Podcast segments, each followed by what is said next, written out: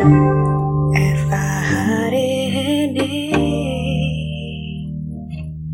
Halo warga KMFA dan kawan seperjuangan. Saat ini kamu sedang mendengarkan FA hari ini. Nah, gimana nih kabarnya teman-teman warga KMFA?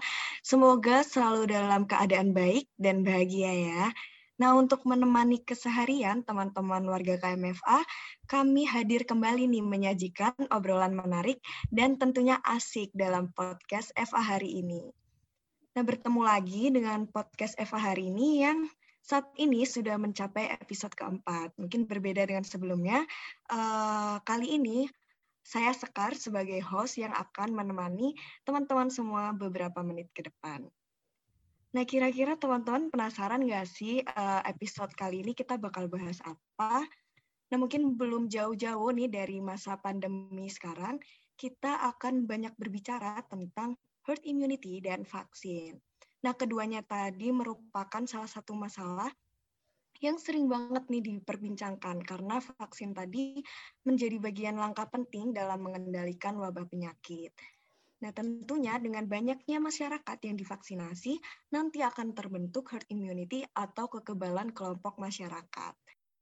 KMFA juga perlu belajar banyak ya dan mengenal tentang vaksin dan herd immunity sendiri. Maka dari itu, kita sudah mendatangkan narasumber yang tentunya memang expert di bidang ini. Kira-kira uh, teman-teman bisa menebak nggak sih siapa yang bakal datang di podcast Eva hari ini? Nah, beliau ini merupakan salah satu guru besar Fakultas Farmasi Universitas Gajah Mada. Nah, selain itu, beliau juga punya channel YouTube sendiri nih, teman-teman. Jadi, beliau memang sudah sering memberikan edukasi-edukasi tentunya di dunia kesehatan kepada masyarakat umum. Jadi, penjelasan yang bakal beliau sampaikan ini mudah banget dipahami oleh masyarakat. Mungkin daripada penasaran, langsung saja kita sapa. Uh, halo Prof. Sulis, terima kasih sudah datang di uh, eh, FA hari ini. Oke, halo selamat siang, sore, malam uh, buat semuanya. Apa kabarnya? Ya, Alhamdulillah Prof, baik. Nah, mungkin uh, ini ya Prof, hari ini kita bakal banyak uh, berbincang-bincang nih dengan Prof. Sulis tentang vaksin dan herd immunity. Mungkin hmm. langsung saja kita masuk ke obrolan utama. Oke. Okay. Nah, uh, pasti teman-teman juga pada tahu ya Prof. saat Indonesia ini tengah menjalankan vaksinasi ya demi membentuk kekebalan kelompok di masyarakat atau herd immunity. Tapi ini baru-baru ini ada artikel uh, dari dari Bloomberg atau situs media massa multinasional Amerika Serikat yang menyatakan proses vaksinasi di Indonesia ini kemungkinan besar akan memakan waktu hingga lebih dari 10 tahun nih yang di mana itu sedikit lebih lambat ya Prof dari eh, negara-negara uh, lainnya. Nah, melihat situasi yang sekarang ini tengah terjadi nih, Prof, kira-kira uh, berapa lama ya waktu yang dibutuhkan untuk Indonesia dan kira-kira mungkin nggak sih, Prof, kita mencapai herd immunity tadi tersebut? Oke, terima kasih atas pertanyaannya. Jadi yang pertama kita pahami dahulu adalah tentang herd immunity. Herd immunity adalah kekebalan komunal, ya, di mana atau kekebalan kelompok sama aja ya, di mana eh, sebagian besar dari populasi itu sudah kebal, harapannya seperti itu dan itu akan tercapai jika paling tidak 70 sampai 80% populasi itu sudah kebal. Baik itu berupa dengan cara vaksinasi atau mungkin dengan infeksi secara alami ya. Dalam hal ini kita lagi membicarakan tentang vaksinasi yang memang tujuannya adalah mencapai kekebalan komunal atau herd immunity. Kalau dihitung di Indonesia dengan 270 juta penduduk dan kemudian setelah dihitung-hitung lagi yang berhak atau yang apa istilahnya yang layak untuk divaksinasi ya dari segi aspek kesehatan, maka targetnya adalah 181,5 juta ya itu yang harus divaksin di Indonesia untuk mencapai herd immunity yang itu sudah dihitung adalah sekitar ya 70% tadi. Nah, tadi yang disampaikan oleh Mbak Sekar ya tentang artikel, itu sebetulnya artikel itu uh, rilis di uh, Straight Time itu adalah tanggal 6 Februari tahun 2021. Jadi masih awal banget itu. Ya, kita sendiri vaksinasi itu programnya mulai pada tanggal 13 Januari 2021. Nah, pada saat itu vaksinasi sudah mulai berjalan ya pada tanggal 6 Februari ya tanggal artikel tersebut, memang artikel itu me menyampaikan bahwa berdasarkan database dari Bloomberg ya, kalau kecepatan vaksinasi itu masih seperti yang sekarang ini, sekarang itu artinya mengacu kepada tanggal itu ya, yaitu pada sekitar bulan awal-awal tengah Januari pertengahan sampai awal Februari itu, maka untuk seluruh dunia diperkirakan membutuhkan waktu seven years atau tujuh tahun untuk mencapai 75% dunia itu divaksinasi. Sedangkan negara-negara seperti Indonesia, kemudian Rusia, atau pokoknya negara-negara yang jumlah penduduknya banyak, ya diperkirakan bisa mencapai 10 tahun begitu dengan kecepatan vaksinasi yang seperti itu saat itu. Di mana pada saat itu kecepatan vaksinasinya adalah sekitar 60 ribu uh, suntikan per hari. Nah, dari situ itu memang pada saat awal ya, pada saat awal kan memang kecepatannya belum segitu. Nah, pemerintah tentu sudah memperkirakan seperti apa nih seharusnya kecepatannya? Sehingga memang pada setelah itu kan makin ke sini makin cepat ya. Artinya e, dari target yang sekian itu nanti makin ke sini makin cepat. Bahkan Presiden Jokowi sempat me, apa ya mencanangkan satu juta vaksinasi sehari. Itu pernah walaupun itu juga tidak mudah ya. Jadi uh, seperti itu. Artinya ketika kita menggunakan vaksinasi rate yang lambat ya, yang sedikit-sedikit gitu, maka memang akan membutuhkan waktu lebih lama untuk mencapai herd immunity. Tetapi ketika vaksinasi rate-nya itu dipercepat, tentu akan bisa lebih cepat lagi begitu. Jadi bukan berarti akan seperti itu. Nah, sekali lagi yang bisa mempengaruhi dari kecepatan itu tentu saja adalah pertama adalah partisipasi dari seluruh masyarakat. Yang kemudian juga ketersediaannya, ketersediaan vaksinnya begitu. Awal-awal ketika program vaksinasi berjalan, kita harus bekerja keras untuk meyakinkan masyarakat untuk bisa e, mau divaksinasi gitu ya kan banyak yang takut, banyak yang against begitulah. Tapi kemudian sekarang sudah mulai banyak masyarakat yang sebetulnya udah sadar dengan vaksinasi, tetapi ketersediaan vaksinnya itu yang juga harus bertahap ya. Jadi Indonesia ini berebutan dengan seluruh negara-negara di dunia untuk vaksin begitu, untuk mendapatkan vaksin. Sehingga alhamdulillah sebetulnya negara kita termasuk yang udah lumayan cepat mendapatkannya dibandingkan ada negara-negara yang mungkin program vaksinasinya lebih lambat daripada di Indonesia. Begitu Mbak. Jadi sebetulnya usaha yang sudah dilakukan pemerintah itu sudah ya sudah berusaha untuk secepat mungkin dan memang targetnya total dari vaksinasi program program vaksinasi di Indonesia itu sebetulnya targetnya satu setengah tahun. Jadi diharapkan satu setengah tahun itu bisa selesai dengan catatan tadi ya vaksinnya tersedia, kemudian juga orang-orangnya mau dan tentu infrastruktur yang lain ya. Jadi vaksinatornya, kemudian mungkin um, apa tempat-tempat penyimpanan dan distribusi itu juga tersedia dan itu sedang diusahakan begitu. Begitu Mas Sekar.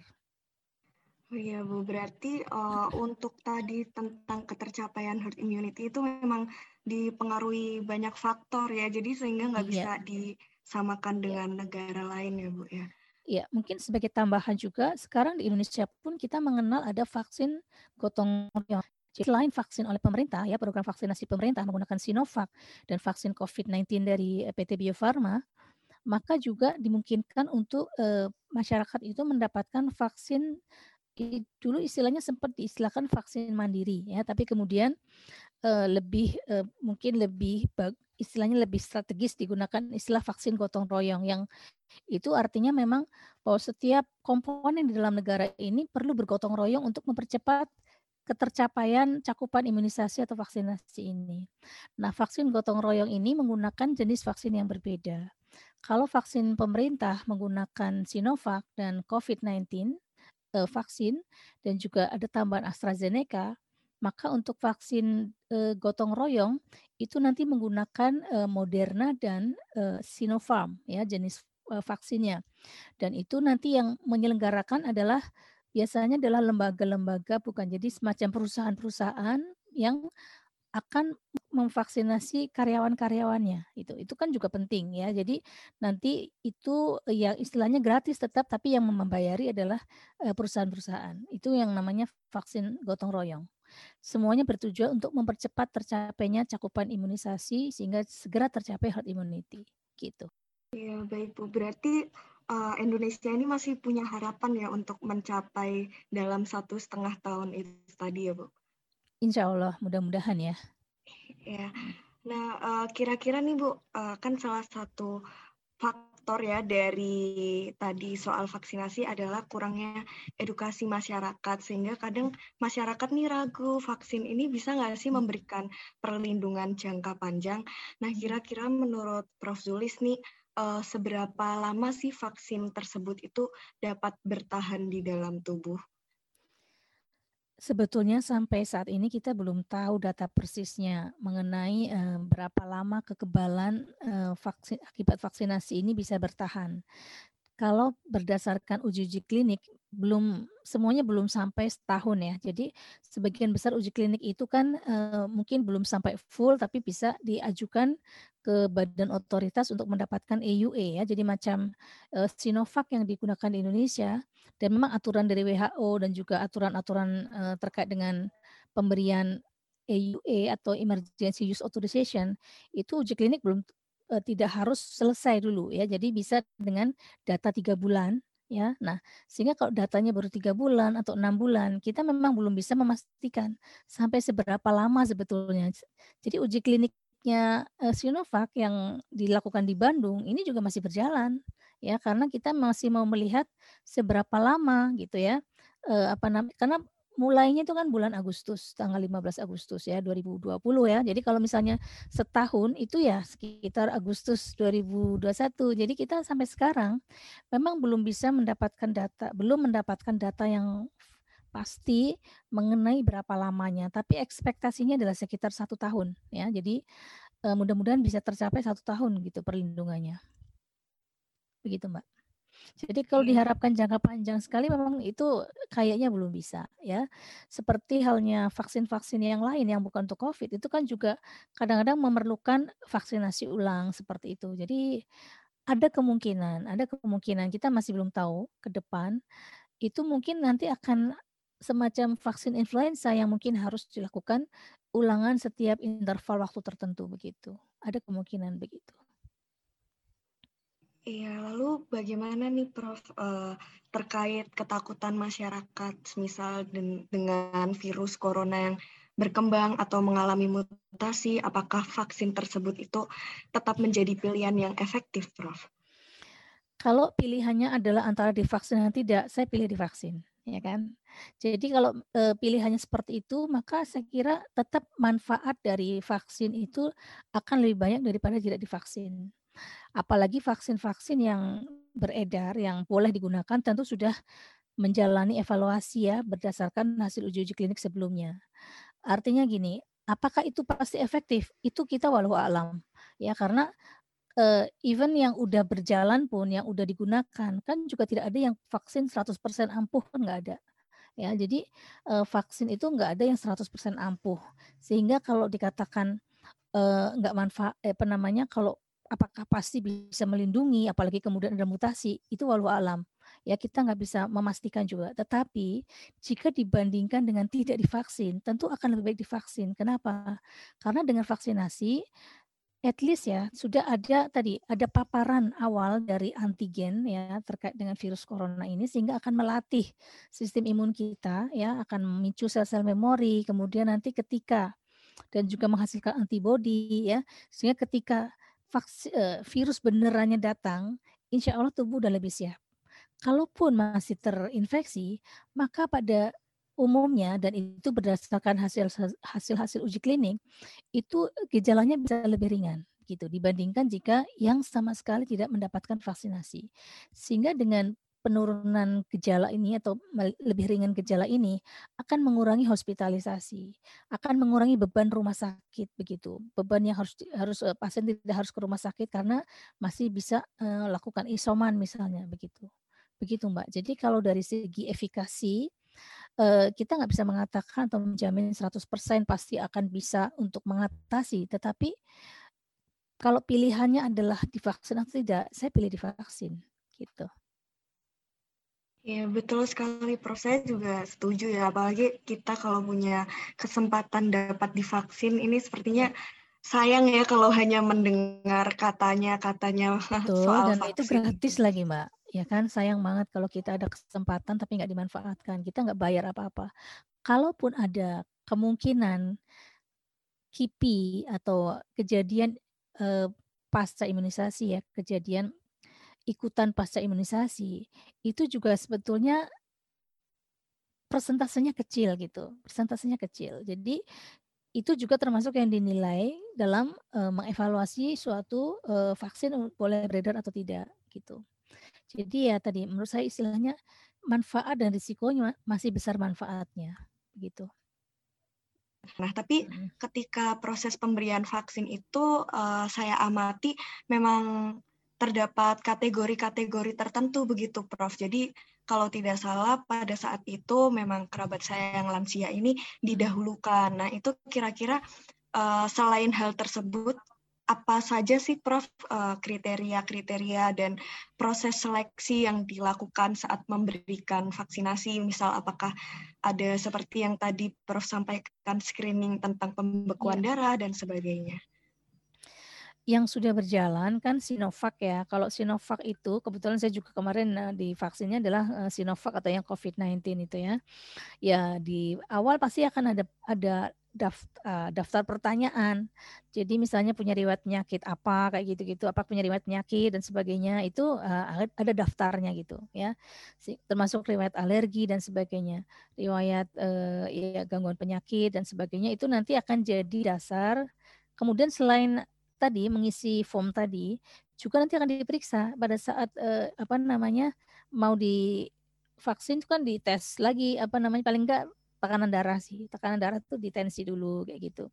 Kalau yang misalnya ketemu tinggi sekali misalnya gitu ya itu biasanya juga akan disingkirkan dulu ya artinya uh, akan ditunda dulu begitu. Karena uh, kalau misalnya dia memang masih tinggi dan tidak terkontrol itu yang uh, tidak di sarankan untuk divaksin. Jadi memang eh, perkumpulan dokter spesialis penyakit dalam di awal-awal itu pernah membuat satu list ya. Jadi macam-macam mana yang uh, visible atau yang bisa divaksin dan yang tidak begitu.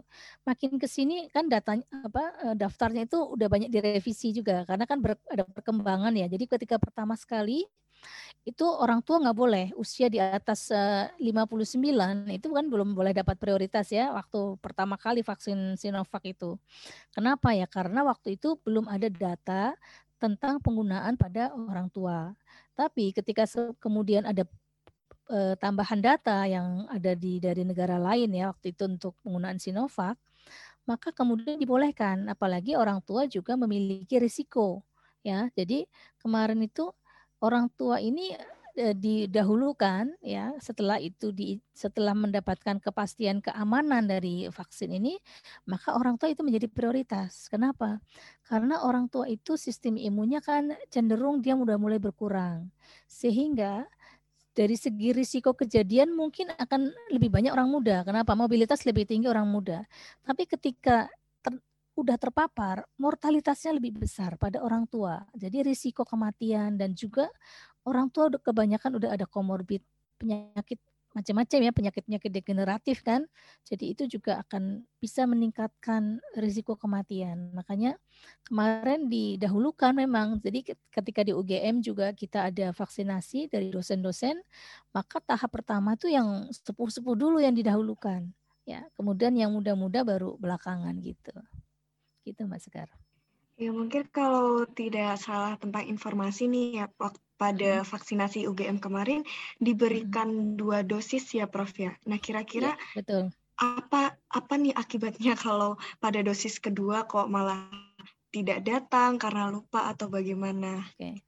Ya, pertanyaannya menarik ya. Jadi memang vaksin-vaksin COVID yang ada di dunia saat ini, sebagian besar bahkan mungkin semuanya diberikan dalam dua dosis.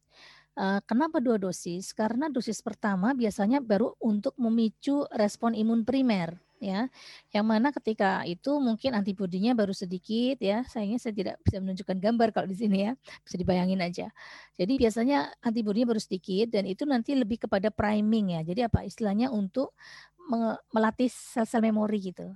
Nah, nanti antibodi itu akan turun lagi, Mbak. Jadi biasanya dari suntikan pertama itu mungkin hari ke-14 mungkin agak tinggi antibodinya kemudian turun lagi gitu.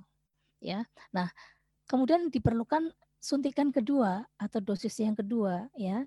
Yang itu nanti tujuannya adalah untuk memberikan uh, respon imun sekunder di mana nanti antibodi yang dihasilkan akan menjadi lebih tinggi dan lebih cepat dan lebih sustain. Jadi lebih lama begitu. Nah, itulah pentingnya ada dua dosis. Nah, kemudian dari segi interval mungkin yang perlu dipahami juga oleh para pendengar ya.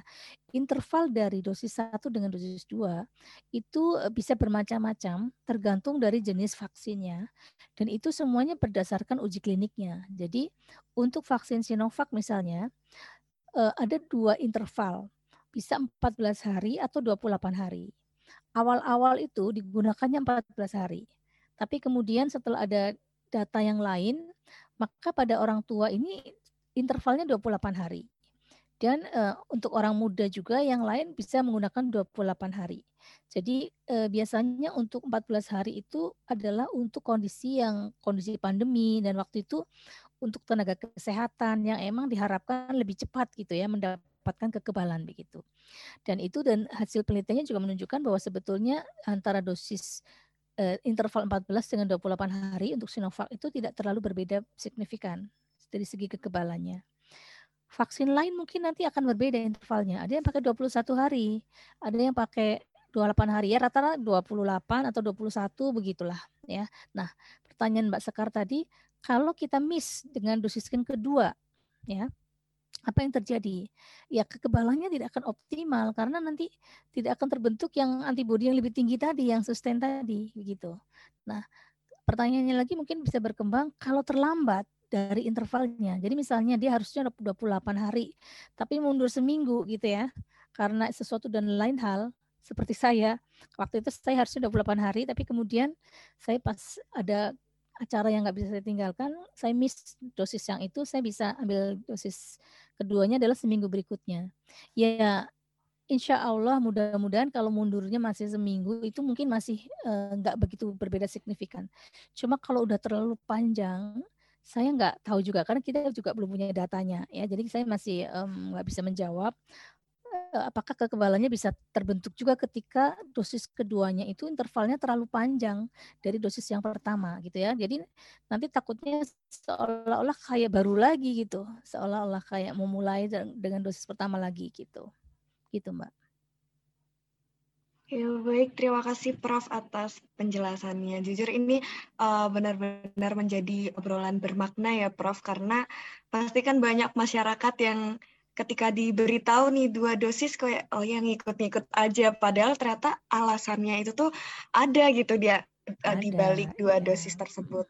Nah, tapi kan uh, ada juga nih prof vaksin lain yang uh, dosisnya itu tuh juga tidak uh, tidak dua kali. Nah, itu tuh apakah ada alasannya? Karena kalau tidak salah dengar nih ada vaksin yang diberikan tiga kali nih seperti hepatitis B gitu, Prof. Contohnya. Oh, maksudnya selain COVID ya? Ya. Iya. Iya, jadi uh, tergantung dari platformnya juga. Bahkan ada satu ada jenis vaksin yang bisa seumur hidup cuma sekali juga ada, Mbak. Jadi memang itu nanti tergantung dari platformnya. Uh, biasanya kalau yang live live virus ya, live attenuated ya, itu biasanya cukup sekali sih, setahu saya gitu ya. Tapi mungkin platform yang lain bisa sampai dua kali atau bahkan sampai tiga kali begitu. Jadi tapi uh, secara umum tujuan dari kenapa kita harus mengulang adalah untuk booster tadi, untuk meningkatkan sistem imun. Jadi ya udah ikut aja gitu ya. Karena kan itu juga pastinya berdasarkan penelitian sebelumnya gitu Mbak ketika mengembangkan vaksin tersebut ya. Jadi mungkin ketika masih bayi atau mungkin uh, Mbak Sekar punya adik atau mungkin ponakan ya ketika bayi itu kan juga macam-macam tuh. Dan itu udah ada jadwalnya. BCG misalnya pada saat lahir dan kemudian nanti kapan lagi gitu. Cacar itu nanti harus diulang lagi kapan lagi kapan lagi. Jadi udah ada jadwalnya itu adalah jadwal-jadwal itu adalah tentunya disusun berdasarkan hasil uji klinik sebelumnya di mana itu merupakan menghasilkan kekebalannya optimal begitu. Jadi kalau kita miss dari jadwal tersebut, ya mungkin akibatnya ya kekebalan tidak akan optimal terbentuknya seperti itu. Iya, Prof. Uh, mungkin kan uh, pada waktu kecil kan kita ada uh, imunisasi atau vaksin macam-macam ya. Kira-kira iya. kalau ya. COVID sendiri ini tuh bisa nggak ya, Prof, misal digunakan bersamaan dengan vaksin lainnya atau lebih baik ya kalau mau vaksin untuk COVID ya COVID saja dulu gitu, Prof? Ya, pertanyaannya menarik, Mbak Sekar. Jadi uh, sampai saat ini kita belum punya data terkait interaksi antara vaksin COVID ini dengan vaksin yang lain. Jadi untuk lebih safe-nya, untuk amannya disarankan itu adalah jeda satu bulan. Jadi kalau misalnya udah divaksin dan vaksin COVID yang kedua gitu udah satu bulan, maka kita bisa mendapatkan vaksin yang lain, begitu. Oh ya, berarti uh, mengambil jeda satu bulan ya, Prof.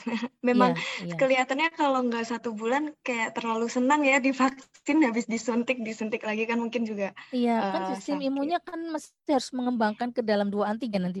Sama-sama barangkali mungkin uh, terlalu heavy ya, berat juga dan ya kurang tahu nanti hasilnya kayak, kayak gimana. Dan itu kita belum punya datanya. Mungkin Prof kita akan membahas tentang beberapa polemik tentang vaksin nih khususnya hmm. uh, vaksin Nusantara ya. Ini kan beberapa ahli ada yang berpendapat bahwa metode pembuatan vaksin Nusantara ini yang dari sel dendritik itu tidak dapat menginduksi respon imun. Nah, menurut Prof Zuli sendiri nih apa tanggapannya uh, terkait polemik tersebut dari sisi ilmu pengetahuan? Ya, vaksin Nusantara memang cukup kontroversial ya. Memang dan itu adalah platform yang berbeda sekali dengan platform vaksin ya. Karena sebetulnya vaksin Nusantara itu adalah e, memimik atau apa ya originally adalah berasal dari terapi. Jadi awalnya sel dendritik itu digunakan atau selama ini ya sel dendritik itu digunakannya adalah untuk terapi kanker, bukan sebagai vaksin. Ya sehingga di dalam cara uh, pembuatannya juga itu kan diambil nih dari uh, subjek, kemudian nanti dibiakkan dulu ya sel dendritiknya dipisahkan begitu, kemudian ditumbuhkan atau dibiakkan atau dipelihara, dikulturkan, kemudian ditambahkan dengan antigen virus. Nah, kemudian diharapkan dendritik ini akan menjadi uh, antigen presenting cell ya akan berkembang dia akan menerima sel kemudian akan berkembang jadi antigen presenting cell yang kemudian dia nanti akan masuk ke dalam tubuh dimasukkan lagi nih ke dalam tubuh si subjek kemudian dia harapkan bisa tadi akan memicu kekebalan begitu. Tetapi uh, sebetulnya not that easy ya, not that easy. Kenapa? Karena yang vaksin saja yang udah seragam gitu ya, yang udah seragam, kemudian uh, secara GMP kan good good manufacturingnya kan pasti udah uh, homogen lah begitu ya. Ketika dipaparkan pada manusia, itu respon imunnya bisa beda-beda tergantung dari sistem imun masing-masing kan. Jadi makanya kadang ada yang terbentuk kekebalan dengan baik, ada yang mungkin kurang begitu. Nah, itu pada vaksin yang biasa ya, platform yang normal, yang umum lah ya. Tapi ini kan beda lagi nih ya. Jadi tahapannya masih terlalu panjang dan uh, sebetulnya dari hasil uji klinik yang sudah disampaikan kepada Badan POM waktu dievaluasi yang pertama kali itu juga hasilnya sebetulnya belum terlalu promising dari segi uh, imunogenisitas ya. Jadi waktu itu masih belum uh, terbukti secara uh, ilmiah imunogenisitasnya karena dengan jumlah subjek juga yang masih terbatas begitu ya. Jadi Terus terang sampai saat ini paparan ilmiah dari uh, vaksin ini uh, belum pernah ada ya atau belum dipublikasikan. Yang ada hanyalah kebanyakan adalah info-info dari media. Di mana info-info dengan bahasa media tahu sendiri. Kadang-kadang ya infonya kadang-kadang agak lebih-lebih dikit gitu apalagi ditulis oleh misalnya yang ya kebetulan ya istilahnya memang tidak begitu memahami begitu ya. Jadi lebih pada semangat uh, mungkin karena memang menarik ya pinteran juga nih yang bikin ya. Maksud saya gini dinamakan vaksin Nusantara. Akan memberikan kesan wah Nusantara ini kan dari Indonesia gitu ya. Jadi uh, bayangan orang itu adalah ini adalah vaksin asli Indonesia gitu. Itu yang kemudian semangat itu yang nampaknya menjadi promosi gitu Ya orang-orang sebagian ada yang menganggap ah saya mau pakai yang asli Indonesia saja gitu ya. Tapi kalau di, dikatakan itu asli Indonesia enggak juga sebetulnya karena antigennya juga masih dari Amerika ya. Uh, dan juga sebetulnya kemarin itu juga masih banyak penelitinya itu dari Amerika yaitu dari IVITA Biochemical eh, Biomedical uh, Incorporation dari Amerika begitu ya juga masih ada menggunakan uh, GMCSF ya suatu growth factor ya untuk menumbuhkan dendritic cell itu juga dari uh, Sanofi dari Amerika gitu ya. Jadi kalau dikatakan ini benar apa produksi Indonesia gitu kayaknya nggak terlalu berlebihan. Yang mungkin yang asli Indonesia masih kita kembangkan yaitu adalah yang menggunakan istilahnya adalah vaksin merah putih ya. Tapi dalam tanda petik ya merah putih itu bukan satu nama vaksin ya. Tapi itu adalah ada berbagai institusi di Indonesia ya kayak termasuk LIPI, ada uh, Ekman ya, kemudian beberapa uh, institusi pendidikan termasuk UGM juga mencoba untuk mengembangkan platform-platform vaksin tetapi menggunakan platform yang umum ya kayak menggunakan subunit protein kayak gitu-gitu. Jadi saya kira uh, seperti itu yang terkait dengan um, vaksin Nusantara, Mbak. Ya, sampai saat ini memang akhirnya kan terakhir Badan POM tidak mengizinkan ya, tidak memberikan apa izin untuk eh, apa namanya kelanjutannya. Namun demikian saat ini sudah ada masih tetap berjalan di Rumah Sakit Angkatan Darat, hanya saja itu dalam tidak dalam koridor untuk didaftarkan begitu. Ya, terima kasih Prof. Ini benar-benar sangat membuka pikiran ya, apalagi uh, bagi orang-orang yang selama ini cuma baca dari media lalu ya, mungkin semuanya bahasa uh, media mengorek semua. tentang dari sisi pengetahuannya ya. Iya benar, apalagi uh, di media ini kan pasti dilebih-lebihkan juga ya kadang sehingga banyak masyarakat yang mungkin iya. jadi uh, terseret atau bagaimana. Nah, selain hmm. itu nih Prof, uh, muncul juga berita mengenai uh, vaksin yang lain yaitu AstraZeneca. Nah, ini beritanya ini tentang hmm pria yang meninggal sehari setelah divaksin AstraZeneca. Nah, menurut laporan ini terdapat pembekuan darah dari hasil medis pria tersebut. Nah, apakah memang uh, ada ya, Prof, pengaruhnya antara pemberian vaksin dengan pembekuan darah?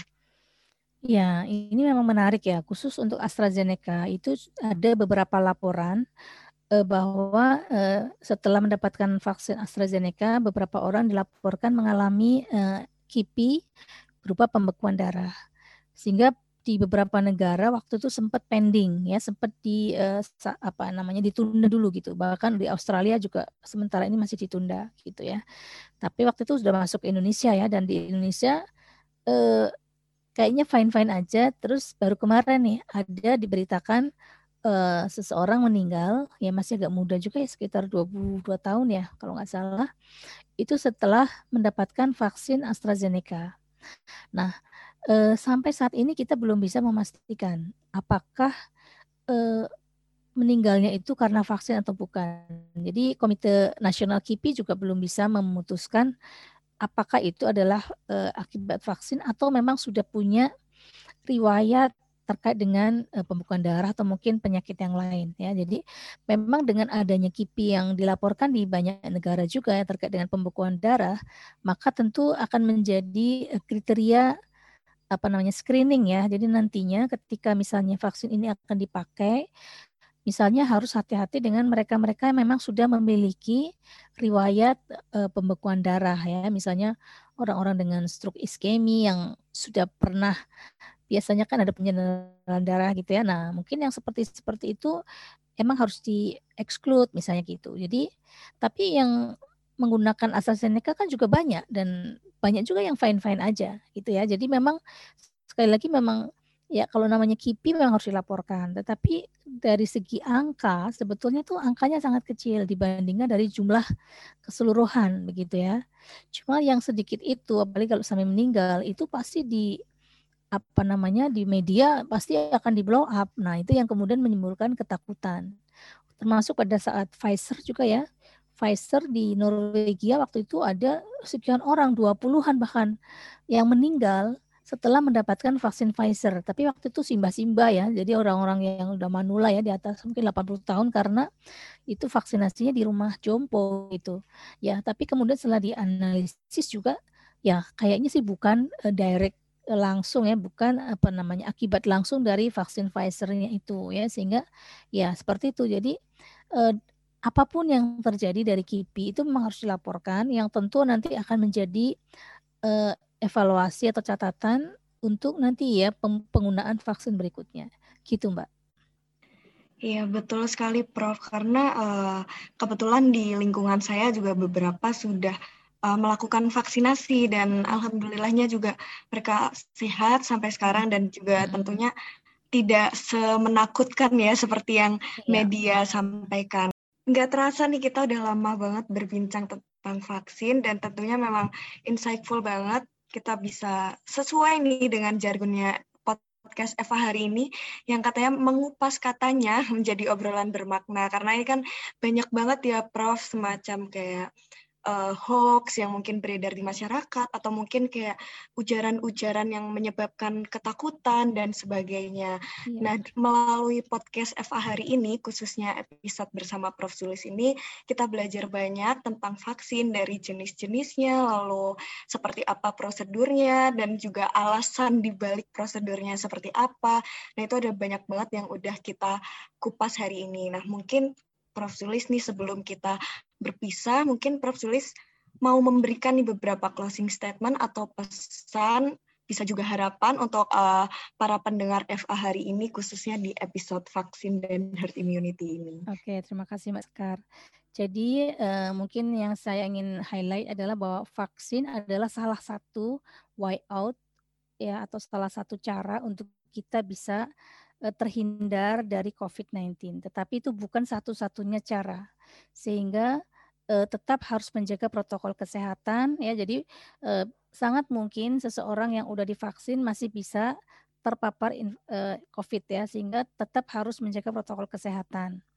Dan buat mereka yang memiliki kesempatan untuk divaksin jangan apa jangan sia-siakan kesempatan tersebut gitu ya. Karena menurut saya pribadi divaksin itu adalah ibadah. Karena apa? Kita bisa membantu dengan tercapainya herd immunity, maka kita akan bisa membantu melindungi e, sesama kita yang kebetulan tidak bisa divaksin karena berbagai hal. Jadi kan banyak orang-orang yang mungkin secara kesehatan dia tidak layak atau memang tidak bisa untuk mendapatkan vaksin sehingga kalau kita sehat dengan vaksin, kita tidak akan menularkan kepada orang lain, maka kita akan memprotek atau ikut melindungi mereka yang tidak divaksin. Maka itu adalah satu manfaat ya. Jadi itu menurut saya adalah bagian dari ibadah kita atau jihad atau apa ya istilahnya usaha kita untuk uh, melindungi sesama ya. Dalam hal ini adalah terhadap COVID-19. Begitu, Mbak.